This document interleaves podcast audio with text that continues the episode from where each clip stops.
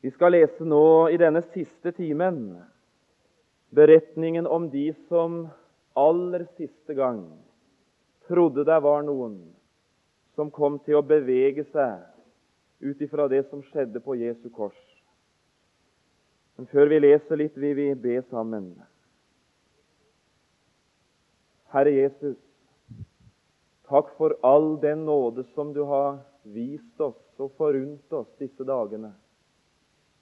At vi på så mange forskjellige måter og i så mange anledninger har fått vært under ditt ords påvirkning. Vi vet det er så mye som virker på sinnet vårt, Jesus, på livet vårt i dag. Takk fordi det er så mange som har den gudgitte trang å la seg prege og påvirke av ditt ord og av dine sannheter. Takk for den store nåde og det privilegiet det er å betjene en så stor forsamling med ditt ord. Herre Jesus, kunne det også denne timen lykkes slik at det var en som fikk et ord og litt trøst for sitt hjerte. Signe oss og gi meg det jeg trenger, her jeg står. Amen. Og Vi vil finne fram Markus evangeliet kapittel 16. Og Der vil vi lese de to første versene. Der er vel noen som tenker nå at eh, nå har han ikke flere personer å tale om, så nå må han litt utenfor emnet. Det er vel ikke egentlig det som er, er grunnen til at jeg leser disse to versene. Men her er det en nøkkel. Så jeg hadde lyst til å bruke denne siste timen om jeg kunne lede en og annen hen til den plassen ved Jesu kors. Det hjelper jo lite å tale om at det var mange som sto der, hvis ikke du og jeg også er der. Og Her finner vi en stille nøkkel til det. Vi leser Markus 16, vers 1 og 2. Og da sabbaten var til ende, kjøpte Maria Magdalena og Maria, Jakobs mor, og Salome velluktende urter for å gå og salve ham. Og meget tidlig, på den første dag i uken, kom de til graven da solen gikk opp. På mange måter så hadde det begynt å stilne av nå det hadde vært så urolig. Det hadde vært så mange ting. Det hadde vært så mange personer. Det hadde vært så mange tanker og så mange følelser omkring Jesu kors.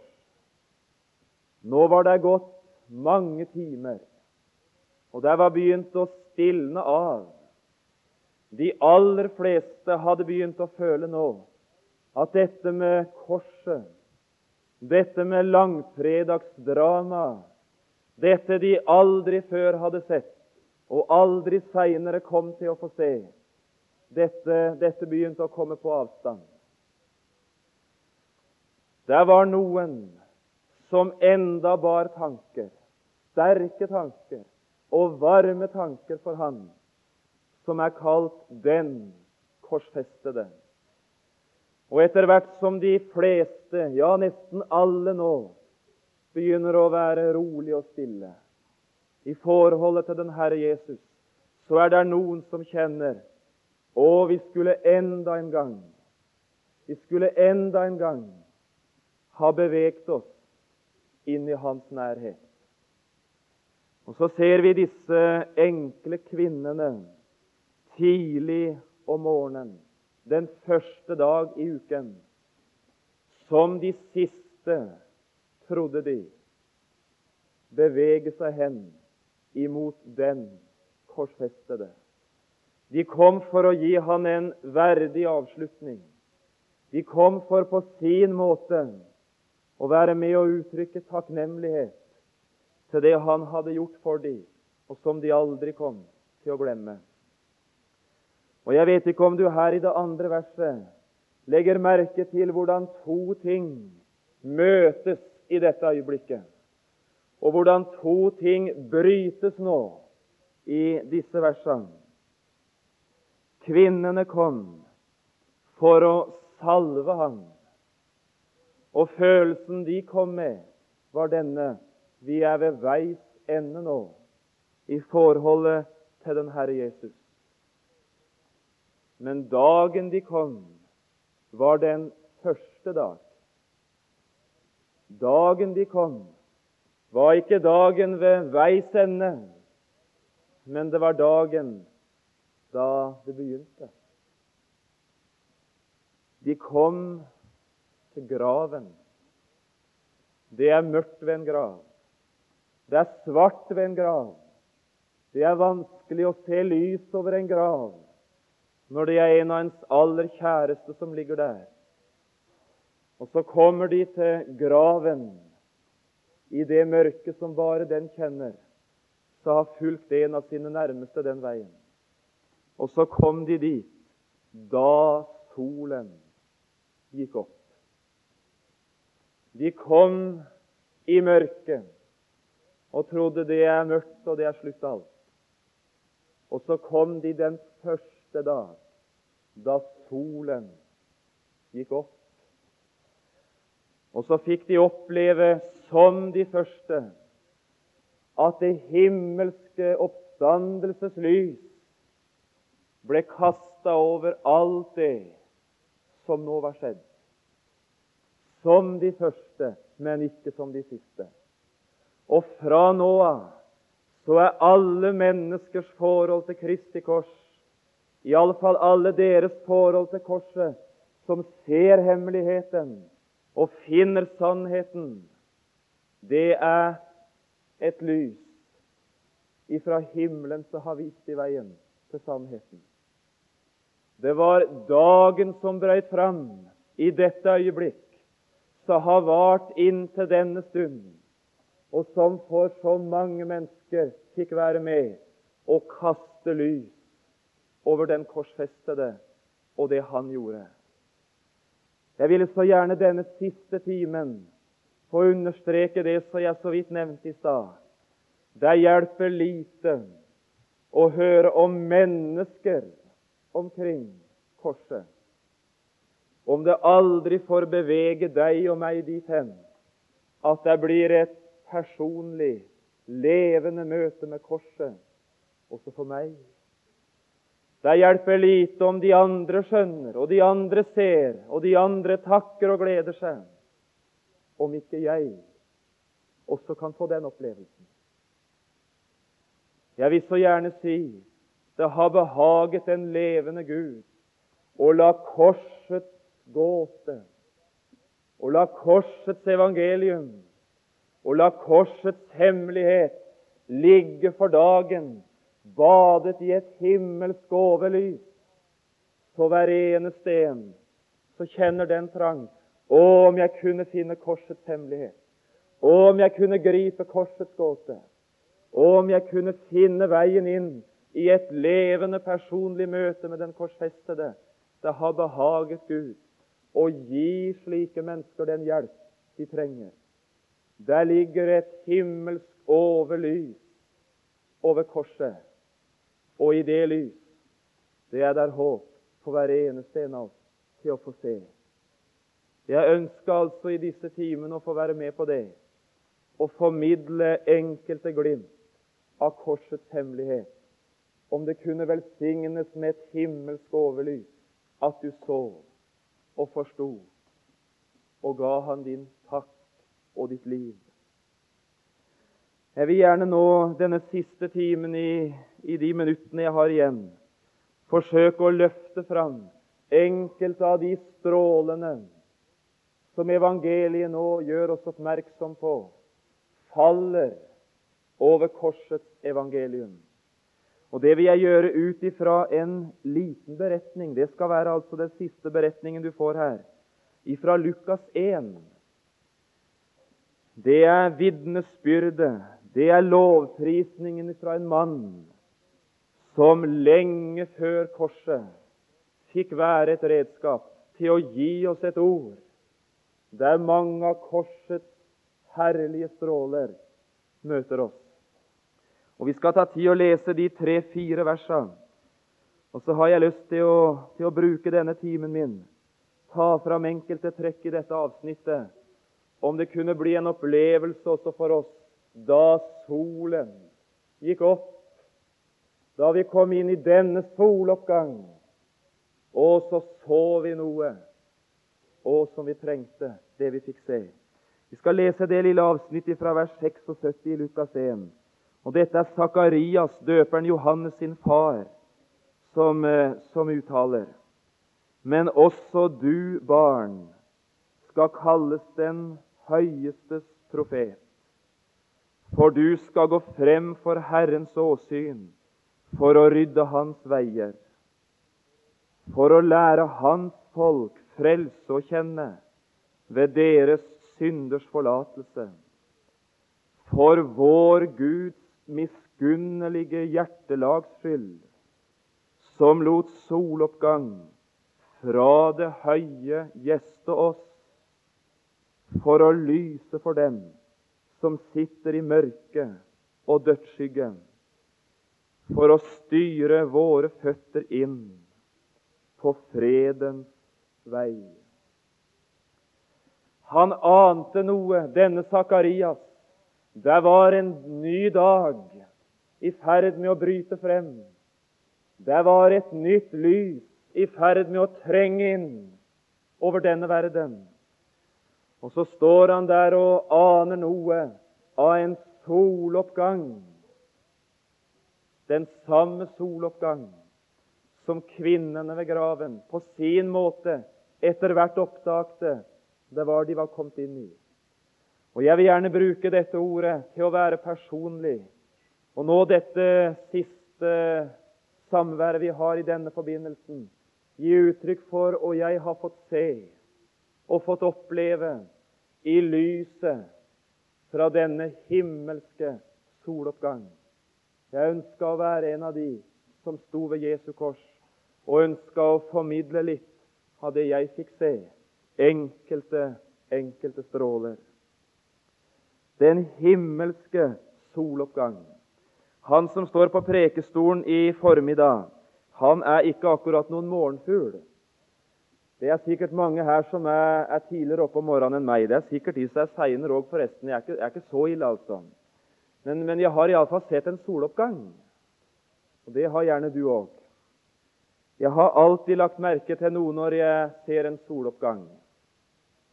Jeg har lagt merke til hver eneste gang jeg møter soloppgangen i denne verden, så er det en soloppgang mot det høye. Der er en soloppgang mot det høye. Det kan være over fjell oppe i Telemarken. Det kan være over heiene. Det kan være ute ved sjøen. At i horisonten så, så demrer det av dag. Og så blir det lysere og lysere og lysere. Og så kommer der et øyeblikk da sola bryter fram. Og så er det soloppgang mot det høye. Du, om det er åndelig sett skulle bli lyst i denne verden, så var det ingen mulighet for en slik soloppgang. Det var ingen mulighet for soloppgang fra det lave mot det høye. Og så var det heller ikke det han så, denne Sakarias. Herren lot soloppgang fra det høye gjeste sitt folk. Og det forteller meg stille, John, skal du få lys over livet, så må du inn i det lys som kommer ovenfra. Skal du finne sannheten i denne verden, og så må du inn i det himmelske overlys som avdekker sannheten. Skal du finne veien inn i klarhet i det som er dunkelt for menneskene, så må du inn i det lys som kommer ovenfra. Soloppgang fra det høye. Og for en virkning en slik soloppgang har i et menneskeliv. Og Jeg skal nevne to personer fra Det gamle testamentet som bare så det på avstand langt der framme. Jeg tenker på, på David. Davids siste ord. Her er han inne i enden av livet sitt. Det finnes noe som kan kaste lys over et menneskes avslutning i denne verden. Og er det han så denne David på vei inn i dødsskyggens dal, om vi kunne bruke et slikt uttrykk, og hva er det som kasta lys over det sted og den situasjon som for så mange er mørk? 2. Samuel 23. Dette er Davids siste ord. Og så kan du se i vers 4 Han skal være lik morgenens lys når solen går opp, en morgen uten skyer, når ved solskinn over regn gresset spirer frem av jorden. Og hva er det han så ifra, ifra, ifra dødsleiet, om det var så langsomt? Og hva er det han så? Og hva er det som kastet lys? Det var lys ifra denne soloppgang. Han skal være lik morgenens lys når solen går opp. Og så ser han en morgen uten skyer. Å, som det kan kaste lys over et menneskes utgang av denne verden. Å, som det kan formidle trøst og klarhet og varme inn også i en slik situasjon. Han så soloppgangen fra det høye. Og Jeg tenker på ord ifra, ifra Salmenes bok. Dette sterke, fine salmeordet i 118, vers 24. Og er det som stemmer salmisten i sang? Og er det som fyller hans hjerte og sinn, slik at det riktig strømmer over? Vet du hva det er? Dette er dagen som Herren har gjort. La oss fryde oss og glede oss på den. Hva er det som kan formidle glede inn i et menneskeliv? Er det som kan gjøre det til en god opplevelse for et menneske å være endog i denne verden? Hva er det som kan stemme et sinn i sang? Det er når han får se dette dagen. Dette er dagen som Herren har gjort. Det er når han kommer inn i det lys som bare finnes under soloppgangen ifra det høye. Å, men jeg er takknemlig at jeg fikk komme inn i en slik soloppgang og fikk se et slikt lys. Og noen enkle, få streker. Og han som står her, fikk se i lyset av den soloppgangen. Det blir bare noen stråler. Noen enkle, små stråler. Det første, sa han som står her, fikk se. Og nå bruker jeg det i denne rekkefølgen. Det første som jeg fikk se, vet du hva det var? det var mitt eget hjerte. Det hadde jeg aldri sett før. Det hadde jeg aldri vært oppmerksom på. Det hadde jeg aldri vært klar over om jeg ikke var blitt gjort oppmerksom på det i dette himmelske overlys. Der var et lys fra himmelen som begynte å avdekke hvem jeg virkelig var. Og det kan jeg altså avlegge et vitnesbyrd om her. Jeg hadde aldri trodd at jeg var den jeg var, om ikke Herren selv hadde fortalt meg det.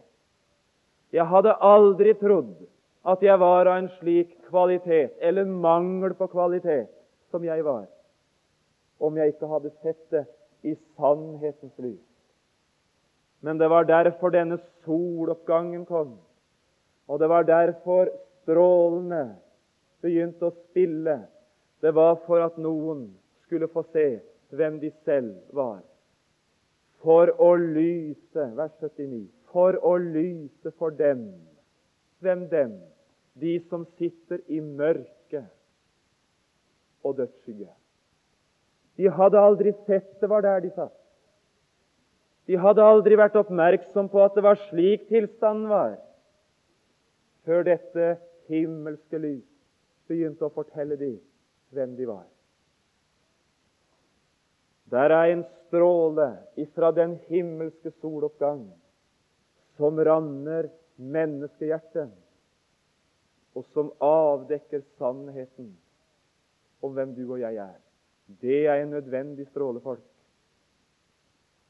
Peter kom inn i det lyset en gang, og det var en merkelig måte han kom inn på. Jeg trenger ikke slå opp det, men det er i Lukas 5 i begynnelsen. Der leser vi en beretning om en fiskefangst som var annerledes. Og Jeg skal ikke skildre den. Du husker beretningen om Peter om de tomme garn, om strev om natta og de som skyldte, mismodige, Der var intet utbytte for strevet. Du husker han som kom, Peter, Simon, kast garnet ditt ut send en brett. Og du husker hvordan de på Jesu ord la i vei, og du husker hvordan det gikk. Der skjer alltid noe når det skjer noe på Jesu ord. Der du gjør noe på Jesu ord, der skjer alltid noe. Det gjorde det den gang, og det gjør det i dag. Og så kunne du og jeg ha tenkt at når Peter så det han nå så, når Peter opplevde det han nå opplevde, så ville han komme i land omtrent på denne måten. Dette var suverent, Jesus. Det her er jo fenomenalt. Vi har ikke opplevd sånt i verden, altså. Hvis du kan sørge for sånn fiskefangst hver gang, så er du altså fast medlem fra denne dag. Det her er jo enestående. En kunne tenke at der kom en Peter inn. Nå hadde han sett noe av lyset fra Kristi herlighet, og nå var han på topp. Hva er det der står? Se i vers 8. Se i vers 8 i det kapitlet, og se oss for en kar som kommer. Men da Simon Peter så Og hva da han så? Han så i det han hadde opplevd Kristi herlighet. Det kan du stole på. I den grad en slik beretning og en slik hendelse kunne kaste glans over Jesu person, så så han noe. Da, Peter, da Simon Peter så det, falt han ned for Jesu knær og sa, Herre, gå fra meg, for jeg er en syndig mann. Herre, gå fra meg. Hva er det som har skjedd? I lyset fra Kristi herlighet, i lyset fra en himmelsk soloppgang, så har Peter blitt var. Det er noe ved meg, Jesus, så annerledes enn dette jeg nå ser i deg. Det er noe ved min person som er akkurat det motsatte av det som er din person. Det er noe i din kvalitet som jeg mangler. Er det noen Jesus jeg ikke passer sammen med, så er det deg, Herre. Gå fra meg, for jeg er en syndig mann. I lyset fra Kristi herlighet så så Peter noe av seg selv. Og Så kom han til den konklusjonen. Jesus, vi passer ikke sammen, vi to. Har du vært der noen gang? Har du det? Har du noen gang vært på kne for Han som var blitt så stor og så hellig og så herlig for deg. Og så hadde du likevel noe av dette der. Jeg passer ikke inn her. Jeg er så annerledes. Og så var det noe som ropte i ditt sinn. Er det et sted du ikke er velkommen, så er det til Han. En fikk se seg selv og sin synd. Jeg har bare lyst til å gjøre oppmerksom på en liten ting her. Der er noen som kommer inn i et slikt himmelsk overlys med sitt liv. De er vakt, som vi sier. Og etter hvert som et menneske er vakt og begynner å streve og plundre og leite for å finne fram, for å komme til klarhet og til lys, så er det noen som opplever det på den måten. Jo mer de strever, jo gærnere går det. Og jo mer de prøver, jo mindre får de til. Og jo mer de søker Gud, jo lenger vekk syns de han er. Og jo mer de mobiliserer alt i seg selv, jo mer håpløst er det. Og så kan der ligge en fortvilt, trøtt, sliten synder og si 'Jeg er forlatt av Gud'. Og det er ikke håp for meg, altså. For så langt vekk som jeg nå har jeg aldri vært. Og så tror den knuste som har sett seg selv, at han er forlatt av Gud. I lys av det vi her taler om, så skjønner du det akkurat motsatt. Han har aldri vært så nær som han er nå. Han har aldri hatt så mye med Kristi herlighet og glans å gjøre som han har nå. Han har aldri vært så nær en soloppgang som kan føde liv, som han er nå. Men det ser han bare ikke selv, for det han ser, det er hva lyset avdekker. Så glemmer han å tenke på at det er jo lyset som avdekker det. Når du lukker opp loftsvinduet ditt og lar lyset strømme inn på loftet, så ser du en masse ting der som du ikke så da det var mørkt. Det var der hele tida. Men det var først når lyset kom, du ble oppmerksom på det. Og det var da du skjønte nå trengs det loftsrydning og rengjøring. Det må til det, i en forstand, i et menneskeliv, å erkjenne sannheten om seg selv. Det er en nødvendig stråle, dette der. Og jeg veit meg ingen plass der jeg lærer sannheten om meg selv slik å kjenne som ved Golgata. Jeg vet meg ingen plass der jeg er så avslørt som ved Golgata. Jeg vet meg ikke noe sted der jeg blir oppmerksom på den grundige sannheten om meg selv. Jeg vet meg ikke sted annet enn Golgata. Du som vil lære sannheten om deg selv, du skal stille deg blant menneskene omkring korset. Og så skal der falle ei stråle ifra den himmelske soloppgang, også i ditt liv og i ditt sinn. Og så skal du få se hvem du selv er. Å, men der var ei stråle til. For hva tenker et menneske når han har sett seg selv slik? Hva mon Gud tenker om meg? Det er det første han får med å gjøre. Og konklusjonen har han med en gang. Han har forlatt meg. Det er fortvilt for meg. Jeg er fortapt. Det er ingen redning. Å, men jeg er glad jeg har fått se ei stråle til. Og nå skal du altså få ei velsigna stråle. Det var nok ei stråle som ramma mitt hjerte. Det var slik jeg ble stansa opp. Og det var slik jeg fikk bøye meg for sannheten om meg selv. Men det var ikke frelse i det. Det var bare en forutsetning for at jeg nå kunne begynne å spørre etter noe mer. Og nå skal du altså få høre om ei stråle. Strek det under i Bibelen din, vers 78. Her er ei stråle som rammer et annet hjerte.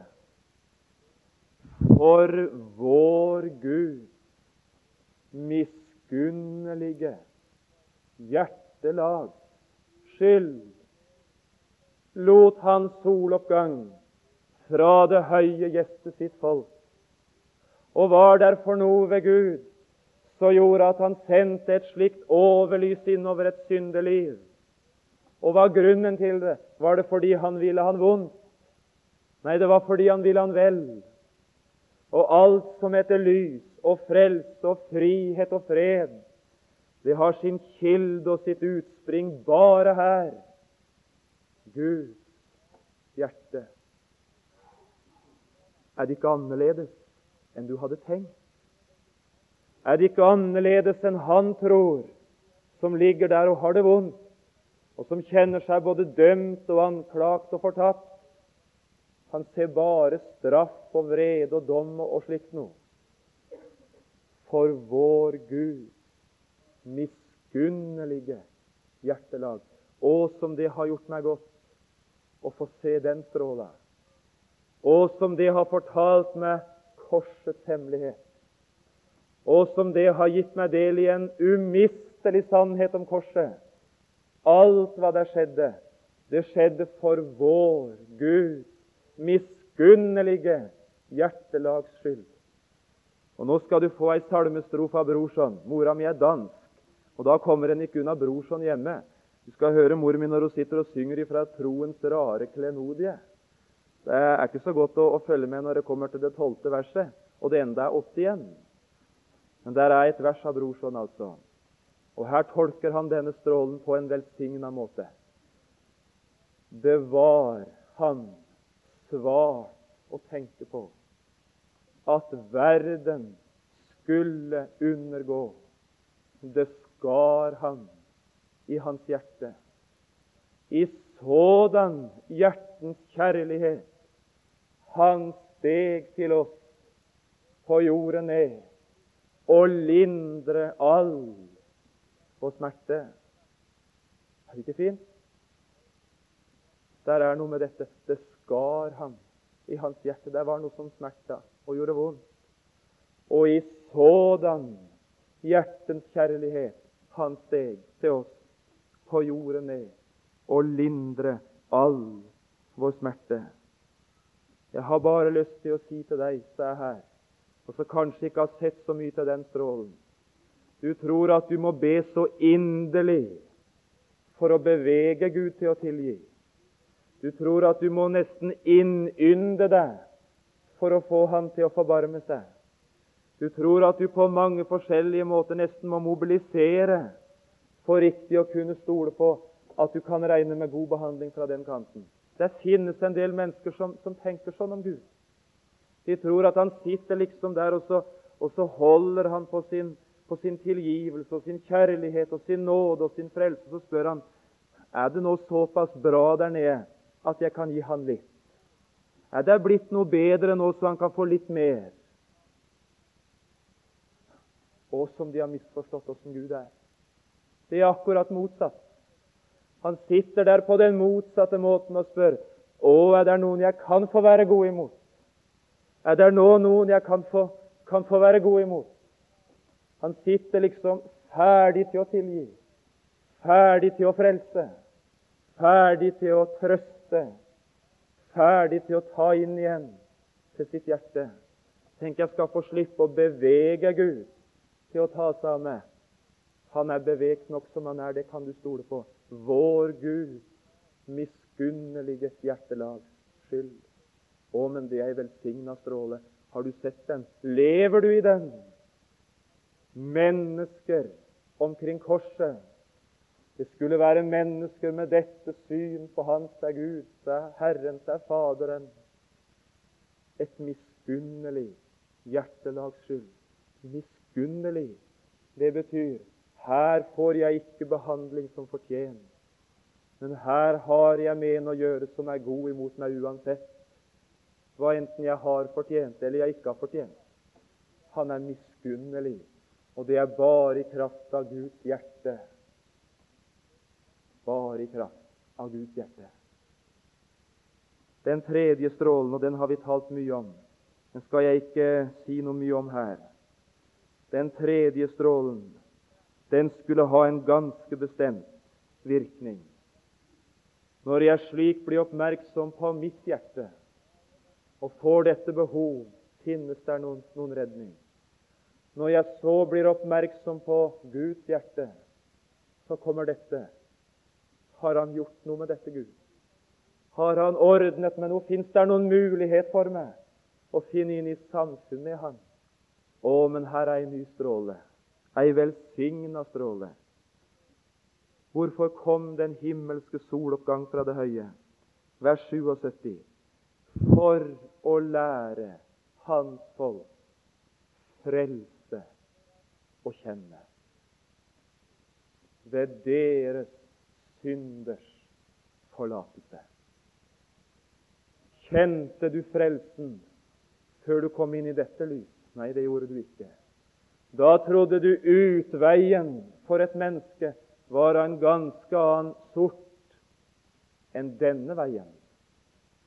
Det var noen som tenkte Gud er kjærlighet, og han kan ikke vente mer av noen enn at han gjør så godt han har kunnet, og, og gjør en rett forskjell for seg, og så bra han kan, så, så venter vel ikke Gud mer. Og så eller det var noen som tenkte hvis jeg nå bare kan riktig gjøre sånn og slik, og slutte med det og la være å gjøre det, så Og så var det så mange frelsesveier.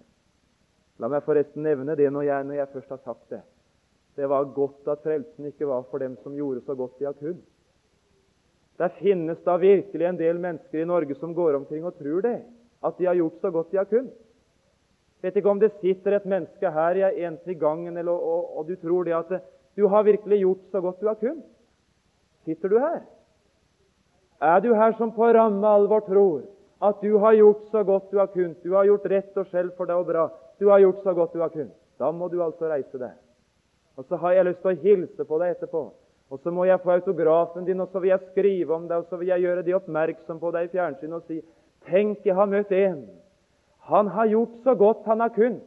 Han har aldri kunnet gjort det bedre enn han har gjort det. Han har aldri, han har aldri kunnet nådd lenger enn han nådde. Han har aldri kunnet vært ei bedre ektefelle enn han har vært. Han kunne aldri ha vært mer god mot barna sine enn han har vært. Han kunne aldri ha vært en bedre arbeidstaker enn han har vært. Han kunne aldri ha tenkt noe mindre på seg selv enn han har gjort. Han har alltid vært topp. Fins du her? Nei, men om du gjør. Å, men det var godt frelsen ikke var for dem som gjorde så godt de kunne. De vet ikke hva de sier, folk som snakker sånn. For det er ingen som har gjort så godt de har kunnet. De er ikke her. De fins ikke i verden. Jo, det var én. Han gjorde så godt han kunne. Og det han kunne, det kunne ingen andre i denne verden. Men det han kunne, det var også nok. Og så lærer jeg frelst å kjenne ved å høre om Han, slik det er tolka i sangen. Alt det som du nok skulle, men som du ikke kan. Ja, det som var umulig, det alt, det gjorde Han. Frelse å kjenne. Og så er det en merkelig port. Frelsesveien har en merkelig port. Jeg lærer frelse å kjenne, står det her, ved syndenes forlatelse. Det er frelseskjennskapet. Her er porten, her er inngangen. Du som aldri har opplevd, og som aldri har hatt behov for, og som aldri har kjent trang til et slikt ord og en slik sak syndenes forlatelse. Du er altså ikke frelst. Å føle seg forlatt å ha en viss forståelse av hva syndenes forlatelse er. Det er ikke det det dreier seg om. Men å være forlatt, å være tilgitt. Du er helt utenfor alt som heter tilgivelse og nåde. Du kan være innenfor alle veier, men du er utenfor frelsen. For frelsen læres bare å kjenne.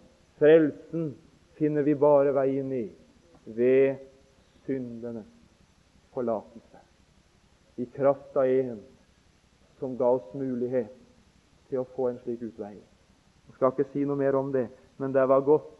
Det var noen som kom inn i vårt liv, og som formidla et slikt ord, som kasta lys over frelsen for oss. Å, men du skal være takknemlig ungdom som har hatt med slik å gjøre i ditt liv, som har formidla et sånt budskap inn i din sjel. Du fikk se, du fikk se frelsen. Du lærte frelsen å kjenne. Du er i kontakt med en himmelsk soloppgang. Her er det dag. Her er det håp. Og Så får vi ta det enkelt nå mot slutten. Den fjerde stråla, og der var en til etter det. Den fjerde stråla, den kaster lys over noe velsigna fint. Den kaster lys over et nytt liv og en ny framtid for meg i denne verden. Jeg har aldri kunnet sett livet i møte slik, så jeg kan nå, etter jeg fikk se frelsen og ble frelst. Å være en kristen og høre Jesus til, det er å se fram imot et liv. Det er å se fram imot en framtid som er ganske annerledes enn den framtid de har uten Gud. Det er en håpløs framtid. Men her er det framtid.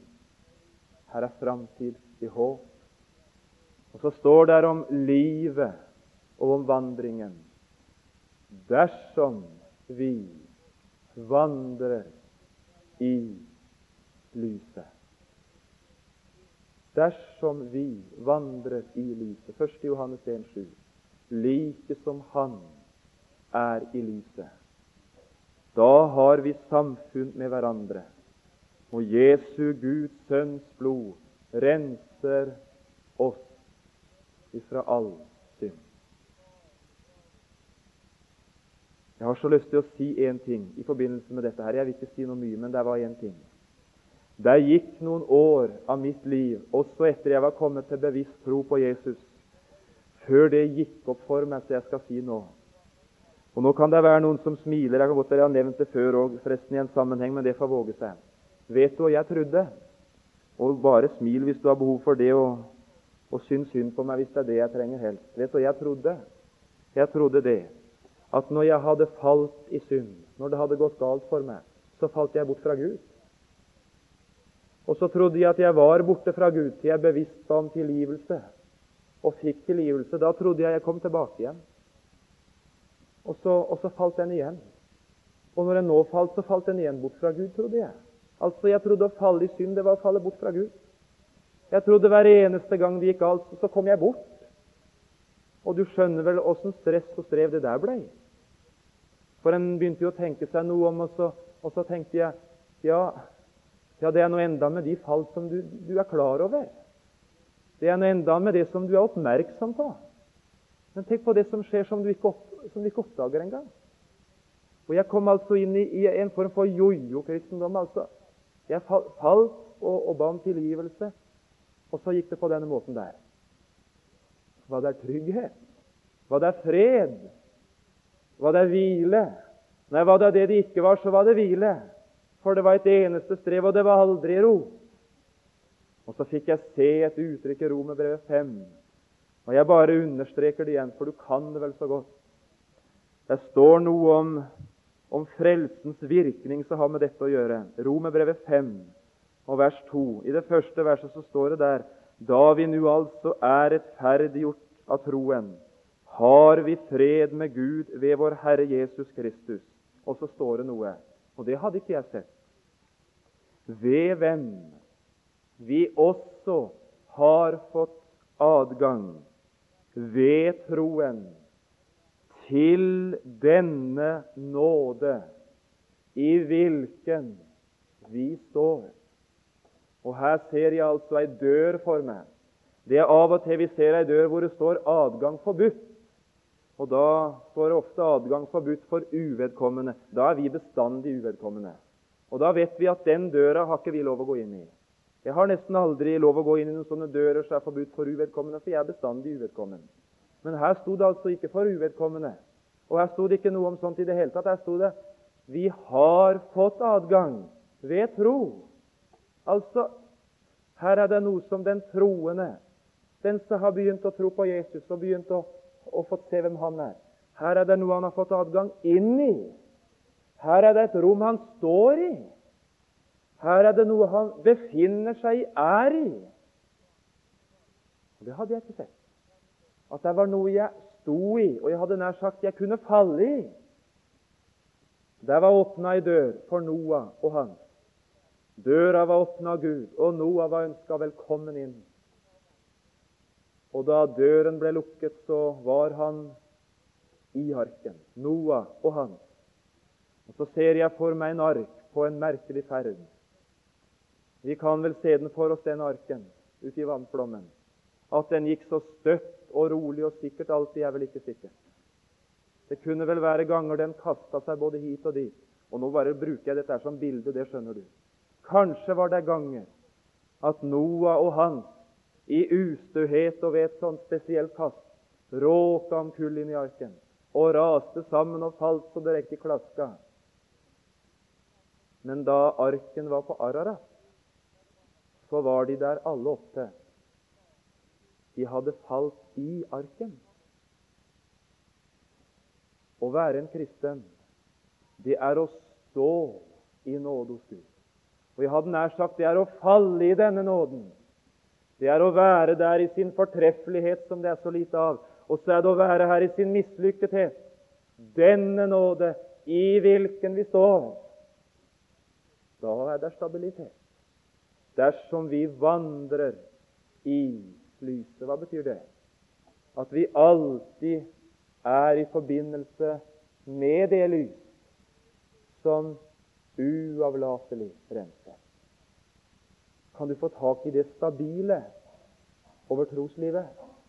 I soloppgangen fra det høye skal jeg få være i et lys. Jeg skal få vandre i et lys.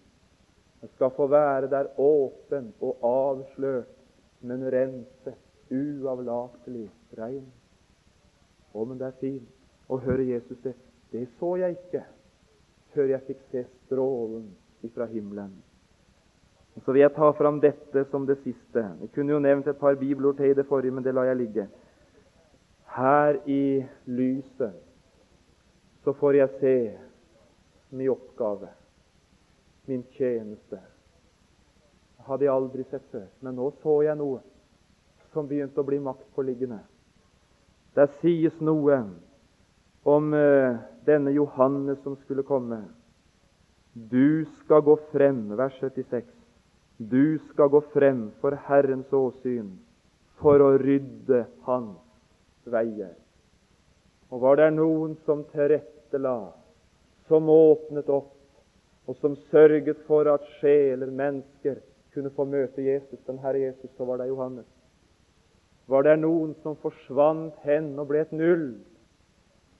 Om du bare kunne bindes fast til Jesus, så var det han. Han utførte en tjeneste, lysets tjeneste. Også jeg hadde lyst til å gjøre deg oppmerksom på det. Å være en kristen, det er å stille seg til tjeneste i lyset på Herren. Så kan det være du sitter her og tenker er det noe som er sant om meg, så er det at akkurat det jeg mangler. Jeg er ingen lysende kristen. Der er ingen som ved å se på meg sannsynligvis kommer til å tro at jeg gnist av kristenliv i meg en gang. Er det noe som er sant om meg, så er det at jeg er mislykket, og det er vanskelig. Og Så kjenner du på noe av det at, at du får ikke være det og gjøre det for den Herre Jesus som du ville. Jeg har så lyst til å gjøre deg oppmerksom på et ord. Så er det frimodighet i tjenesten. Og Det er altså det siste nå omtrent før jeg går ned. Det er andre Korinterbrev, i kapittel 4 og vers 6. Vi er enda i lyset, og vi er i kontakten med Kristi herlighet. For Gud, som bød at lys skulle skinne frem av mørket. Han er den som også har latt det skinne i våre hjerter, for at kunnskapen om Guds herlighet i Kristi Jesu åsyn skulle stråle frem fra oss. Og Den enkle måten min å se det ordet på, det er å løfte fram et speil. Der sto om et lys. Gud bøde at lys skulle skinne frem av mørket. Og dette lys, det nådde oss en dag. Vi kom inn i lyset. Men så sto der der skjedde noe mer. Dette skulle skinne i våre hjerter for at kunnskapen om Guds herlighet i Kristi Jesu åsyn skulle stråle frem fra oss. Og Her ser jeg altså stille og enkelt et speil. Der er ikke lys i et speil. Et speil er ingen lyskilde. Hemmeligheten med at vi i et speil kan se lys, det er ikke at speil er lyskilde, men det at den er i kontakt med et lys. Og simpelthen bare ved å være i kontakt med lyset, og simpelthen bare ved å være rein, så er det med og kan formidle lys til og med inn på et mørkt sted. Det er å tjene. Det er å tjene. Det er å stille seg til tjeneste. Det er å være i dette lys på en sånn måte, rein og i den rette stillingen til lyset, så blir det noe i omgivelsene. Det blir noe å se, ikke fordi jeg er så lysende, men fordi jeg kan være med å få reflektere, om du vil, litt av dette som jeg selv står i. Så er det ikke spørsmål om å være en selvlysende kristen. Men det er spørsmål om dette ene et rett forhold til Jesus. Være der i renhet, stille seg fram til tjeneste. Og så skal det bli noen som merker, som kjenner, som smaker, som ser her er der en som er i kontakt med Herren. Og som de har bruk for det i dag, å møte slike mennesker som er i kontakt med Han. En merkelig soloppgang, et merkelig lys. Men nå er vi inne akkurat i det, det skal jeg si ammen med, som er sant for hver eneste en under Kristi kors. De vi har skildra underveis, de var forskjellige. Det var sant om han, og det var sant om den. Her i denne siste timen er det bare ting som gjelder alle troende. Det var noen få stråler. Der er mange flere. Og du må selv inn i lyset for å se stråleveldet og få følelsen av at her kommer ord til kort. Og så er vi på vei imot en stad der landet er stadens lys. Det er vel først da jeg skal kunne lære meg å fryde meg til bånns over det å være i lyset. Kjære Jesus,